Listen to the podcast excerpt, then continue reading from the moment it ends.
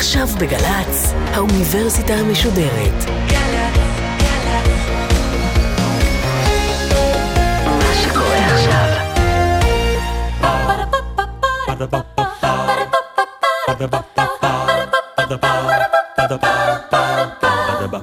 האוניברסיטה המשודרת בשיתוף מיזם וויז מציגה המדען העירום מיטב החוקרים בישראל בשיחה עם בן שני אחד על אחד מול קהל. והפעם הפרופסור קרין נהון מהמרכז הבינתחומי ואוניברסיטת וושינגטון על הפוליטיקה של המידע. עורכת ראשית מאיה גאייר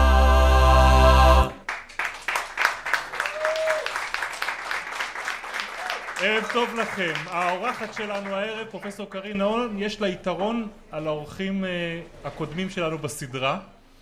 את התחום שאת עוסקת בו, האנשים שיושבים כאן מכירים היטב. לא צריך ללמד אותם מושגי יסוד הביולוגיה, לא על תורת הקוונטים, לא על בינה מלאכותית. כולם יודעים על מה את מדברת, למרות שאני לא בטוח שהם יודעים שיש תחום כזה שנקרא מדעי המידע. נכון. כשמדברים על מידע, את השחקנים המרכזיים כולם מכירים. כולם יודעים נכון. על גוגל ועל פייסבוק. וכולם שמעו על העקבות הדיגיטליים שאנחנו משאירים בכל מיני מקומות בעולם. נכון, אבל הם לא יודעים מה אנחנו יכולים לעשות אה, עם העקבות האלה בתור מדענים. אה, אתה, בטח אתה שואל מה אנחנו עושים. מה זה מידע? מה זה מידע? וואו. אה, מידע זה בעצם כל נתון שאפשר לאבד אותו. אה, הבעיה היא, אה, כלומר לא הבעיה, לנו זה דבר טוב, אבל כל דבר שאתם היום עושים, אתם משאירים אחריכם עקבות.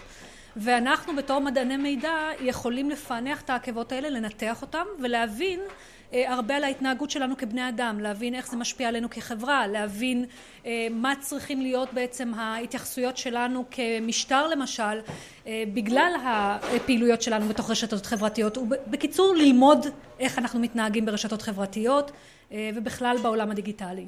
אבל אני רוצה לקחת אותך בכלל למקום אחר.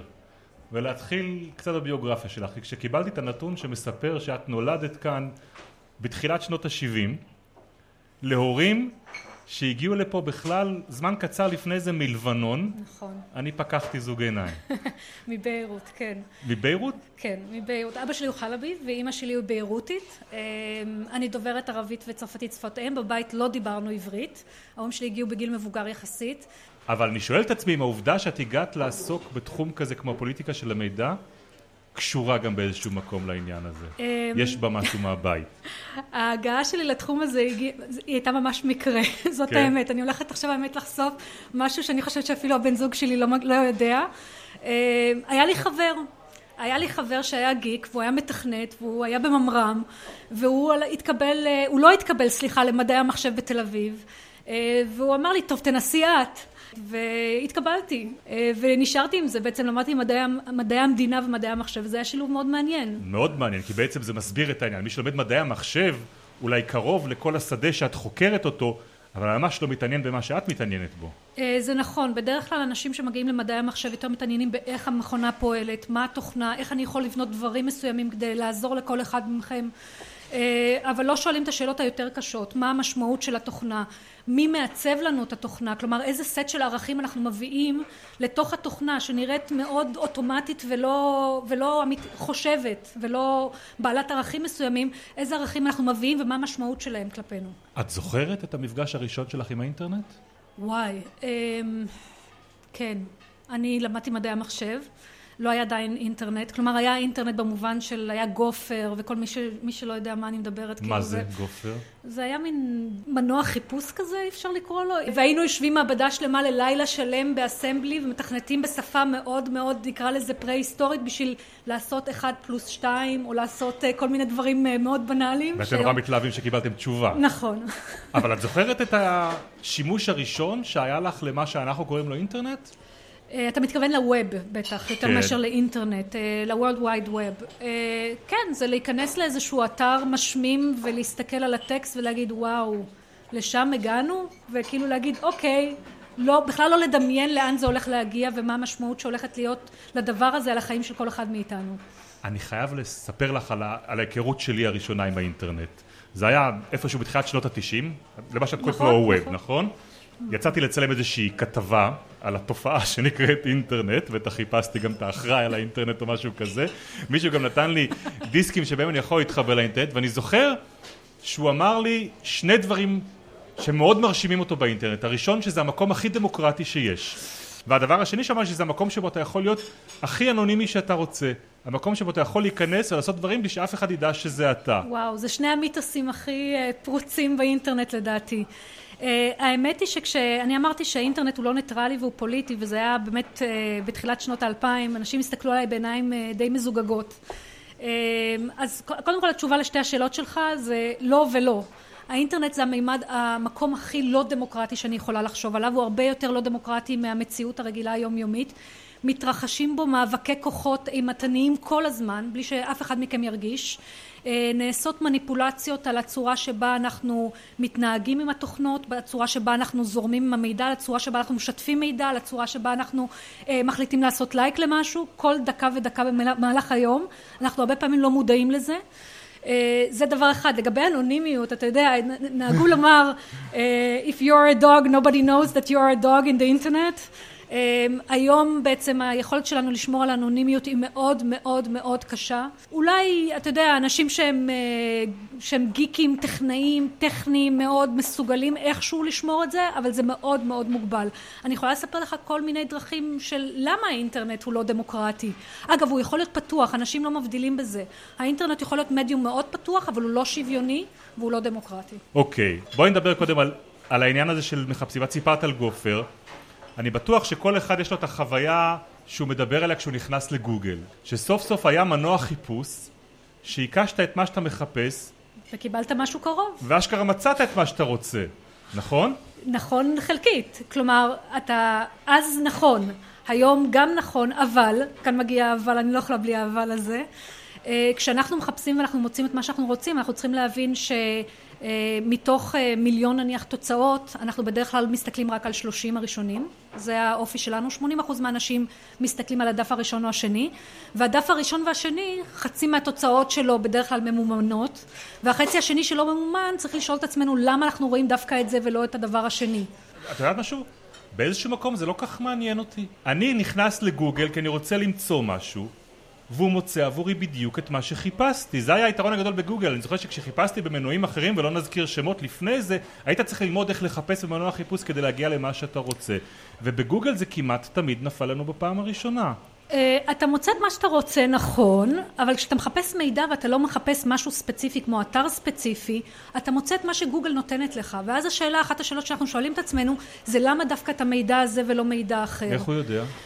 הוא די צופה בך גוגל צופה בנו כל הזמן אה, כל מהלך שאתה עושה במהלך היום עם המחשב אה, נמדד ונמדד אה, מה שנקרא בזהירות רבה החל מאיפה העיניים שלך מסתכלות במסך מה זאת אומרת? זאת אומרת שנניח אתה פתחת את הבראוזר, את כן. הדפדפן שלך והתמקדת בצד אחד מסוים של המסך הרבה זמן, גוגל תדע את זה. איך הם יודעים דווקא איזה ש... צד מתוך השלוש עשרה אינץ' יש לנו, יש לנו היום תוכנות מאוד ברורות שמסוגלות לנתח את ההתנהגות שלנו בתוך האתר המסוים הזה. ומה... אני יכולה לדעת איפה נשארת, אה, כמה הקלקת, אני יכולה לדעת גם דברים מהעבר שלך, כלומר מה עשית בעבר, אה, מה נתת לחפש בעבר, זה גם מאוד חשוב, כי אם אני יודעת שאתה מחפש כל יומיים חיתולים אז אני מניחה שהחיפוש הבא שלך אולי יהיה מוצצים. אבקת חלב. ככה אנחנו לומדים על אנשים. אוקיי. עכשיו, כל זה הוא לא בעייתי כל עוד הבעיה היא מתחילה איתנו כי כל אחד מאיתנו מתרכז בידי ארבעה מנועי חיפוש. כלומר 80 אחוז מהאנשים מרוכזים רק בגוגל והעשרים הנותרים כמעט 98 אחוז בעצם מכל המשתמשים מרוכזים בידי ארבעה מנועי חיפוש. כאן זה מתחיל להיות בעייתי כי אם גוגל היא הספק של המידע הכי גדול שלנו מה זה אומר לגבי גיוון המידע? מה זה אומר לגבי המידע שאנחנו צורכים האם אנחנו לא מובלים בתלם באיזשהו מקום לפי הרצונות של גוגל שיראו לנו מה שאנחנו רוצים. אז אמרת שהוא מודד את המקום שהעיניים שלי מסתכלות בו. נכון. הוא זוכר את ההיסטוריה של החיפושים שלי. נכון. הוא יודע גם מי החברים שלך. למה? כי בדרך כלל הם משתפים את זה עם, אה, עם מה שנקרא אה, ספקים אחרים. היום השיתוף פעולה בין גוגל לפייסבוק מתהדק, אגב זה משהו שחדש לשנה האחרונה. חשבתי שזה האויבים הכי גדולים. היו, עד שהם הגיעו למסקנה שהם צריכים אחד את השני. אם אתה תחפש, אה, לפני שבועיים חיפשתי נעליים שאני בדרך כלל לא מחפשת ונכנסתי אחר כך דקה אחרי זה לפייסבוק והפלא ופלא גיליתי את אותה פרסומת של הנעליים הספציפיים שחיפשתי באותה מידה באותו צבע בתוך פייסבוק. השיתוף פעולה הוא, הוא הרבה מחזק. כלומר והם צריכים אחד את השני כי גוגל אין לה את המידע של החברים שהוא מידע יקר מפז. אם אני יודעת מי החברים שלך, אני יודעת מה אתה חושב, אני יודעת מה הגישה שלך, אני יודעת לפעמים מה העמדות הפוליטיות שלך. אני בעצם כמעט יודעת הכל עליך, כפי שאמר מנכ"ל גוגל לשעבר. רגע, זה מתחיל להפחיד אותי. תני לי עוד כמה דברים שהם יודעים עליי, שלא חשבתי בכלל שמהווים פרמטרים באופן שבו הם בודקים את הדרך שבה אני מחפש. הם ידעו כמה זמן אתה נמצא בכל מקום, הם ידעו בעצם באיזה אתרים היית. תשמע, לפעמים בני אדם לא אוהבים לגלות באיזה אתרים הם הולכים, אתה יודע, זה אוקיי, משהו בכל זאת... זה ברור. אמ, הם יודעים עם, אה, אה, את התוכן של השיחות האישיות שלך, כלומר קחו בחשבון פייסבוק קנתה את וואטסאפ, למשל סתם דוגמה, למה הם קנו את וואטסאפ? כי הצעירים ברחו מפייסבוק, הצעירים כבר לא אוהבים כל כך את פייסבוק, זה מקום ל... איך אומר הבן שלי, אם אז רק המבוגרים נמצאים בפייסבוק, אז הם ברחו לוואטסאפ, הם ברחו לוואטסאפ, פייסבוק אה, אמרה רגע אחד, זאת קופסה שחורה שלנו, אני אקנה את וואטסאפ, מה הם עושים כשהם קונים את וואטסאפ? הם מנטרים את השיח שלך. עכשיו, הם לא מנטרים את השיח בשביל להכיר okay. את אוקיי. בן, באמת שלא, הם לא מחפשים אותך באופן אישי, אבל הם מנטרים את השיח בשביל להבין את העדפות שלך, הם מנטרים את השיח בשביל להבין את ההתנהגות שלך. מה הם מחפשים מנטרים, בשיח שלי? מה, הם מחפשים הם מילים? לנבא את הפעם הבאה שאתה תחפש משהו. הם רוצים בעצם לקשר אותך אולי לספק או למפרסם הבא. אין כמו לטרגט בן אדם באופן חד-חד ערכי. אמרת לי בשיחה מקדימה שגם יודעים באיזה גובה אני יושב מול המסך? נכון, נכון. זה, זה משהו שנורא מפתיע אנשים בדרך כלל, אבל עוד פעם, גם זה קשור לגובה העיניים. אה, באחד המעבדות שאנחנו אה, באינטראקציה איתם, במדיה לאב ובעוד מקומות, אתה יכול לזהות פחות או יותר מה הגובה של הכיסא שלך ובאיזה תנוחה הוא יושב, וגם לפי... על פי ההתנהגות שלי ברשת? על פי ההתנהגות ברשת? שלך, נכון, נכון. מה, מה... אגב, מישהו שיושב גבוה... אגב. אני לא יודעת אם הרבה מכם יודעים, לכל תוכנה שיש בה מיקרופון, גם הקול שלכם כל הזמן מנוטר. אנחנו יודעים אם אתם שמחים, עצובים, אם אתם אה, חוששים לרגע, או כל מיני דברים כאלה שגם הם נכנסים בתוך המשוואה הזאת. רגע, עכשיו, אני לא רוצה להבהיל אותך. על איזה תוכנה את מדברת? זאת לא המטרה. אוקיי, אבל איזה תוכנה את מדברת כשהמיקרופון בא מאזין לי כל הזמן? כל בעצם אה, תוכנה היום שנתתם גישה, כל אחד מאיתנו נותן גישה למיקרופון שלה, כן. הרי הוזהרתם. בעצם כל הזמן ההקלטה מועברת, וכל האקר אגב שפורץ לעניין הזה יכול אה, בעצם לעשות download, יכול להוריד את מה שקורה. אגב זה קרה עם ברבי, אני לא יודעת כמה מכם אה, מודעים לסיפור הזה, אבל ברבי היה לה אה, מיקרופון, זה סיפור אמיתי אגב. עכשיו ברבי מסתבר שהצליחו לעשות לה hacking לתוך הפרוטוקול שלה, והאקרים הצליחו להקליט בעצם את כל מה שעבר במיקרופון של ברבי, להקליט ולהוריד. אלא מה? שברבי מקשיבה איפה ברבי נמצאת. ברבי נמצאת עם הילדה, או עם הילד. ואיפה הילד והילדה נמצאים. נמצא על הזרועות של אימא, כן. בדיוק, וזאת אומרת שהם הקליטו בעצם את כל השיחות הפרטיות שהיו בסלון של כל אחד ואחד מכם, בלי שבכלל תאשרו את זה, בלי שתדעו ובלי שתדעו מה עושים עם המידע הזה. יש בטח מלא מידע כזה, נכון? נכון. כאן מס... מתחיל הקושי וכאן מדעני מידע הם מאוד מבוקשים. ושאני אבין רגע, גם כשאני לא לוחץ על סירי או על הכפתור, אה, על המיקרופון בגוגל, את אומרת שהתוכנה מאזינה לי? אם אישרת לה, אה, יש בדרך כלל אנשים כשלוחצים על אקספט, אני לא יודעת כמה מכם זה קרה לכם, אבל שאתם עדכנתם תוכנה ולחצתם על... והסכמתם על כל ההסכם, בדיוק. כן, קרה אה, לנו. בדיוק, או למשל ווייז או גוגל מפס, שבו אתם מסכימים כמובן שהלוקיישן שלכם והמיקום שלכם יהיה כל הזמן מאותר. אז יש לזה מחירים לדברים האלה וצריך להכיר את המחירים האלה. עכשיו מיקרופון זה מחיר קצת יותר רגיש כי מיקרופון עוד פעם יכול להקליט אותנו. אני הערב לחצתי על הכפתור בווייז ואמרתי נחלת בנימין 18 בר הנסיך המקום שבו אנחנו יושבים עכשיו. מה מרגע זה כל מה שדיברתי לעצמי במהלך הנסיעה ותרגלתי יכול, את הפתיח כן, לתוכנית הזאת, כן? זה מגיע לקלאוד, כן? ואני לא יודעת מה, מי עושה מה עושה עם ה cloud, אני לא יכולה להבטיח לך אוקיי, כלום, sorry. פחות מפחיד. במקרה הזה. אבל ה cloud זה מישהו מסוים, זה לא באמת ב cloud, אתה יודע, זה לא ענן שמוריד עלינו גשם. טוב, אני חושב שאני כבר קצת מתחיל להבין למה המונח פוליטיקה נכנס פנימה. למה, למה דווקא את קושרת את המילה פוליטיקה פנימה? פוליטיקה של מידע. בשבילי פוליטיקה של מידע זה אינטרסים. ברגע שיש גופים, או יחידים אגב, אה, שמקדמים אינטרסים מסוימים, זאת אומרת שמבחינתי נכנסה פוליטיקה. אני לא מדברת על פוליטיקה במובן המפלגתי, למרות שגם זה יכול לקרות וקורה כל הזמן. רגע, אמרת שלמדת מדעי המדינה, נכון? למדתי מדעי המדינה, מדעי המחשב, סוציולוגיה, ניהול מערכות מידע. ההגדרה לפוליטיקה במדעי המדינה זה קידום אינטרסים, קידום ערכים. הקצאה בכוח של משאבים או משהו כזה. הקצאה של משאבים זה החלק השני שלה, זה התוצאה בעצם, אחרי שאנחנו, מקד... כי אנחנו רוצים לקדם אינטרסים מסוימים, אנחנו רוצים לקדם סט של ערכים מסוים, אז אנחנו מקצים משאבים, אנחנו עושים בעצם תעדוף של המשאבים. אם אנחנו מתעדפים, נניח אנחנו מקצים אה, כסף במדינה לחינוך לעומת אה, אה, בריאות, בכוונה לקחתי שני נושאים מאוד לא פוליטיים, אה, אז אה, זה אומר שאנחנו מעדיפים חינוך על פני בריאות. עכשיו, אותו דבר גם באינטרנט. ברגע שאנחנו בונים תוכנה מסוימת שמתעדפת פחות את הפרטיות שלנו אה, ומתעדפת יותר נניח monitoring ומעקב אחרינו, זה נבנה במטרה מסוימת, להעדיף אינטרסים שנותנים מידע לאלה שבנו את התוכנה. אוקיי, okay, אז אמרנו גוגל ופייסבוק זה לא חוכמה לדעת שהם השחקנים המרכזיים נכון. עבורנו ברשת. מי הם השחקנים שאנחנו לא כך מכירים אותם שמאוד משפיעים על האופן שבו הרשת מתכווננת? אמ, ממשלות זה ברור מאליו. מה? ממשלות? שמעת על סנודן? אה, כן, ממשלות אה, זה גוף שנכנס יותר ויותר לכל הנושא הזה של ניתוח big data. אה, משרדים ציבוריים, אנשים בעלי הון אגב, שאנחנו לא חושבים עליהם שיכולים כרגע לממן קמפיינים בצורה זולה יותר ממה שבעבר ויכולים לנתב לכם מידע בצורה כזאת שאתם לא תבינו שהמידע מנותב על ידם. רגע, אבל דברי איתי קודם כל על ממשלות. ממשלות. אני יודע על סין ועל סוריה שמפילות את האינטרנט. לא, לא, לא, לא, לא, לא, ממשלות דמוקרטיות לחלוטין. איך? היום, אה, החל ממעקב אחרי אנשים שלא עשו כלום, כמו כל אחד מאיתנו, כי זה קל. NSA למשל ודברים כאלה. NSA למשל. היום זה מאוד קל להוריד big data. האמת היא שבתור, אה, אחת הסיבות שאני לובשת שני כובעים זה בתור מדענית מידע, הרבה קל לי לטעות ולחטוא בחטא הקדמון ולהוריד את ה data. אני יכולה בעצם להוריד את ה data של שיחות שהתרחשו במקום הזה בואי קודם. בואי נעצור רגע נגיד מה זה big data. big data. big data זה גם Buzzword שהוא טעות, אבל big data זה, אה, זה מידע, זה לא data, זה לא נתונים, זה מידע. זה מידע שבעצם נמצא בקונטקסט מסוים, והרבה ממנו. בעצם זה אה, העקבות שאתם משאירים אחריכם, ואנחנו מסוגלים לנתח את זה, בדרך כלל זה בכמויות מאוד גדולות, אנחנו יכולים לייצר מהם תובנות שמאפשרות לנו להבין מה יהיה הצעד הבא של אותו משתמש. איך נראות עקבות כאלה? למה מתכוונים?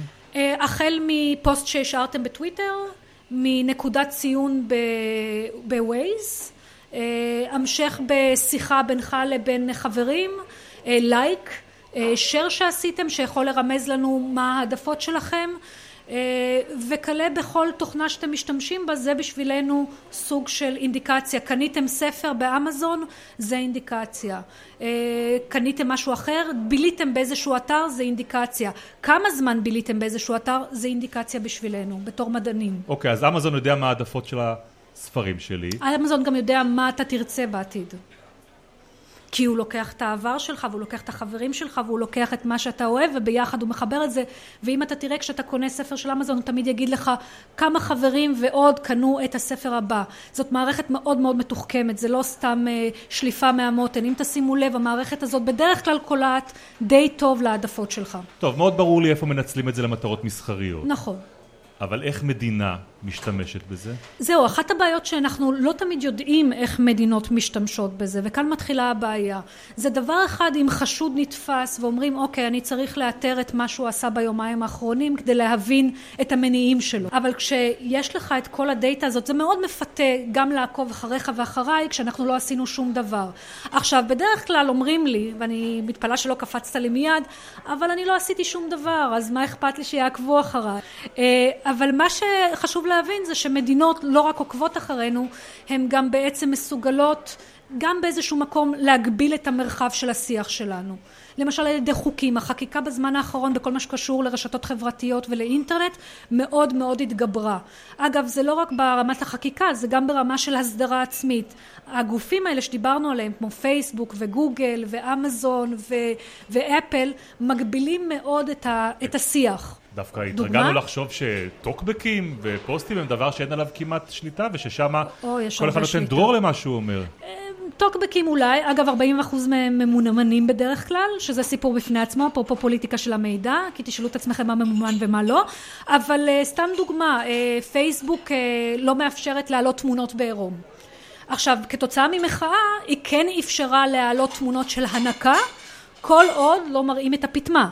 אז עכשיו יש מחאה נוספת שנקראת Free the Nipple, ששחררו את הפטמה מה שנקרא. אז יש מאבק של הלוך ושוב באינטרסים האלה בין החברות האלה שמחליטות בעצם מה המרחב של ה...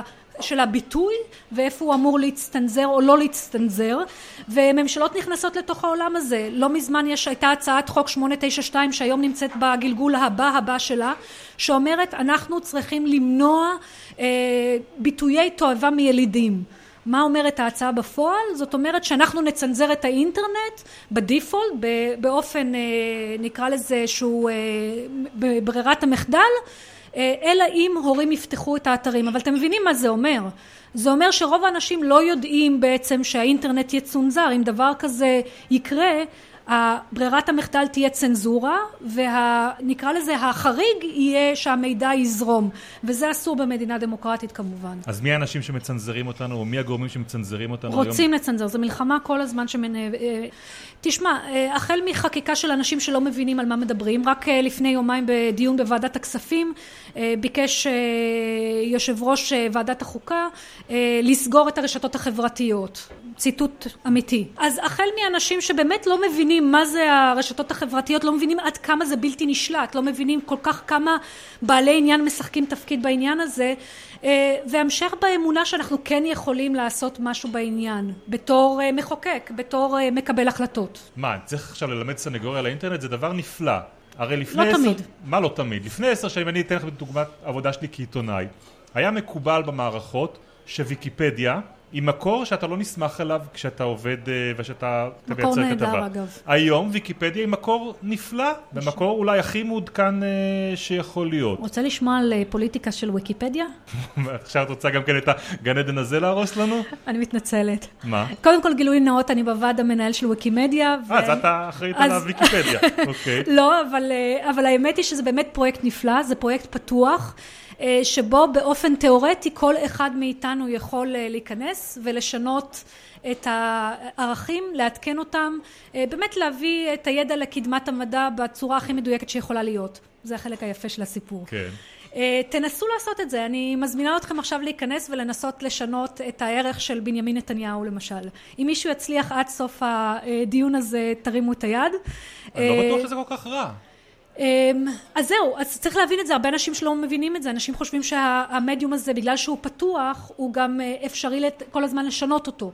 ויקיפדיה בעצם נכתבת על ידי שלושים אלף עורכים פלוס מינוס, בארץ מדובר על מספר הרבה יותר מועט, אנחנו מדברים על, על בסביבות הכמה מאות והם בעצם מכתיבים את מה שאנחנו קוראים. כשאתה מחפש מידע על גבולות הארץ כשאתה מחפש מידע על נניח סתם נושא פוליטי מצב הר הבית כשאתה מחפש מידע על מצב הבחירות כל מילה ומילה שנכתבת שמה נכתבת בדמותם של האורחים. ומי הם האורחים? בסביבות התשעים אחוז שמונים ושבעה אחוז גברים מצב סוציו-אקונומי בינוני ומעלה, בדרך כלל השקפת עולם ליברלית בארצות הברית לפעמים ליברטריאנית, שאומר לנו שאם יש נקרא לזה התנגשויות במידע, סתם דוגמה, האם להראות את התמונות של הקריקטורות של מוחמד או לא, זה היה דיון מאוד רציני בוויקיפדיה מאחורי הקלעים. מה אתה חושב שהייתה תוצאה אגב? לא להראות. לא להראות, אחרי שגיליתי לך שזה מדובר בבנים, בגברים בדרך כלל, מדובר בגילאים צעירים. כולם מפחדים מטרוריסטים שיבואו וייכנסו למשרדים שלהם. דווקא להפך. אוקיי. זה בדיוק מה שאני אומרת, אם אתה מבין מי כותב מאחורה, אתה מבין בדיוק לאיזה כיוון הם. אבל אני בטוח שהשלושים אלף אנשים שמחברים ערכים בוויקיפדיה, הרבה יותר מגוונים מאותה קבוצה שכתבה את האנציקלופדיה העברית למשל, את האנציקלופדיה נכון, הבריטניקה. נכון, אני מסכימה איתך לחלוטין, ויקיפדיה הוא גם מקור שמתעדכן בצורה הרבה יותר טובה, ולכן אני, עוד פעם, אני, אני לובשת פה שני כובעים, כי אני בוועד, התפקיד שלי, אני חושבת, זה בדיוק לנסות לבקר ולפתוח את זה לעוד קולות. למשל, חסרים לנו קולות מהמגזר הערבי. למשל, חסרים לנו קולות של נשים. חסרים לנו קולות של גילאים מבוגרים יותר. וזה בדיוק התפקיד שלנו, זה להכניס את הגיוון הזה של הקולות, שיאפשר לנרטיבים השונים לזרום גם בוויקיפדיה. ומצד שני, זה, זה מה שקורה בכל מקום. במערכת של עיתון ועד הציוויליזציה יש מגוון של דעות, יש יחסי כוחות. מה אנחנו כל כך מתפלאים שבאינטרנט נכון. גם יש יחסי כוחות? אז זהו, כשבנו, כשבנו את האינטרנט, אתה יודע, התחילו לבנות את זה בשנות ה-70 ואחר כך הווב, אה, הלאה בשנות ה-90, היה איזשהו חלום מסוים שמדבר על כך שהאינטרנט הוא מקום דמוקרטי. באמת האמונה הזאת שאנחנו יכולים לראות מגוון של מידע. ובפועל זה לא ככה, וכאן מתחילה הבעיה. כלומר, האמונה שלנו שאנחנו חושבים שבאמת המידע זורם שם באופן דמוקרטי, אבל הוא לא. אם אנחנו נדע את זה, אולי נצליח לייצר יותר תהליכים דמוקרטיים, פחות תהליכי כוח. איך את קוראת לסוכנים האלה? לאנשים שהם... אה, אני קוראת להם אה, שומרי סף, אבל שומרי סף יכול להיות גם כל אחד מאיתנו, כי אנחנו גם הרבה פעמים אה, חלק מהמנגנון הזה. כשאנחנו משתפים מידע והופכים אותו לוויראלי למשל, אנחנו שומרי סף בעצמנו. אבל שומרי סף, זה אלה שגם מונעים מהמידע להתפשט למקומות מסוימים ולפעמים צריכים לעזור לו להתפשט, הם אלה ששולטים במידע. פרופסור קרין נהון היא האורחת שלנו במדען העירום הלילה ואני בטוח שלקהל הרב שנמצא פה בבר שנקרא הנסיך בתל אביב כבר יש הרבה דברים לשאול אותך בשלב הזה של הערב. כן, יש כאן עוד שאלה לידך. היי, אה, סיפור גאווה אישי, הכנסתי, הכנסתי לתוך ערך של ויקיפדיה אינטרס כלכלי טהור. אה, כמפרסם אני מאוד גאה בזה. אה, לגבי נושא של באמת... האם ה... גילית שהכנסת את האינטרס הטהור? לא. אתה זה... יכול לספר? עכשיו, עכשיו בינינו. אתה יכול לספר אולי אפילו בלי להסגיר שמות? למה אתה מתכוון? כן, עבדתי בחברה שקשורה ליהלומים והכנסתי איזה מידע לגבי איזה טיפול ביהלומים עם לינק לתוך האתר שלהם, של כאילו חברה כ- כמומחים לנושא, שמהם כביכול השבתי את המידע הזה. Uh, בתור מישהו שגם שהוא מפרסם וגם מישהו שנאלץ לראות פרסומות כל היום, אני חושב שלי אישית אני מעדיף לראות רק פרסומת אחת שאני יודע שהיא ממוקדת אליי, מאשר שאני רואה בערוץ 2 20 פרסומות לפמפרס ולכל מיני דברים שהם לא רלוונטיים לחיי, אז מה, מה, מה דעתך על הנושא הזה? אה, אני באמת מאמינה שיש לך את הזכות הזאת, אבל אף אחד לא שואל אותי כרגע, נכון? כלומר, אם הייתי מגיעה למצב כזה שפייסבוק הייתה שואלת אותי האם את מוכנה לראות פרסומת אחת או כמה, או האם היית מוכנה אה, לשלם שקל למשל, בשביל לא לראות בכלל פרסומות, זה היה טוב. כרגע אני המוצר בעצם, אני המידע, אני המוצר. אבל גוגל ו... מאפשרת, הפרסומות של גוגל שמוטמעות בתוך האתרים ניתנות, אתה יכול להגיד שהפרסומת הזאת לא מתאימה. ואז אתה מקבל אחת אחרת שיותר ממוקדת. אבל צריך מישהו לממן את כל הדבר הטוב. הטוב הזה. ול, ולכן אני אומרת, א', אה, אני חושבת, אה, כלומר, אה, יצא מהדברים שלך שכאילו, אני לא נגד פרסומות אגב, אני לא נגד מפרסמים.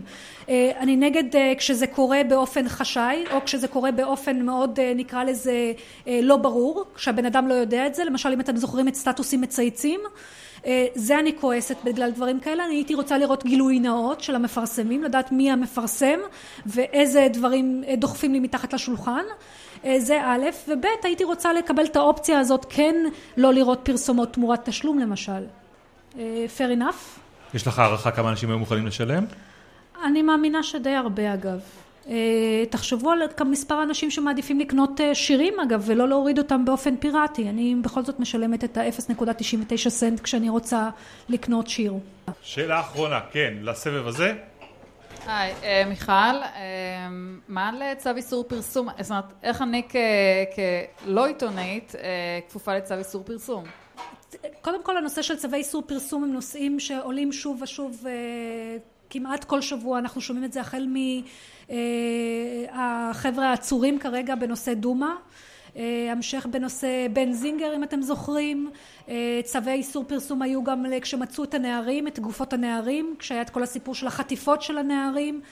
אה, אחת הבעיות של בדיוק העלית אותם שצווי איסור פרסום אתה יכול מה שנקרא התקשורת המסורתית עומדת בהם. ואז קורים מצבים מאוד מגוחכים ומרתקים מבחינתי שכל הארץ יודעת כשמצאו את גופות הנערים שנחטפו כל הארץ ידעה עד שמונה וחצי ותתקן אותי אבל בתוך האולפן הייתה ברברת של בן רוני דניאל לאחרים שדיברו על מה קורה בגזרת חברון והם בעצמם ידעו.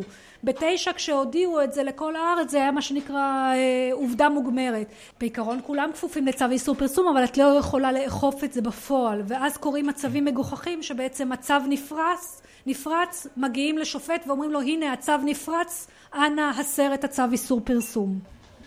אמ, פרופסור קרין נהון, אל תלכי לשום מקום, תישארי כאן, אנחנו נפרדים עכשיו מהמאזינים שלנו מגלי צה"ל, הם ישובו להאזין למפגש הזה בשבוע הבא. בינתיים אנחנו רוצים uh, להודות לעורכת שלנו, מאיה גאייר, למפיקה וזו שערכה את התחקיר אביגיל קוש, על הביצוע הטכני בני יהודאי ומיכאל אבו, תודה נוספת לעדן ספקטור וכמובן תודה לשותפים שלנו במדען העירום לעמותת וויז, אנחנו נהיה פה גם בשבוע הבא, לילה טוב.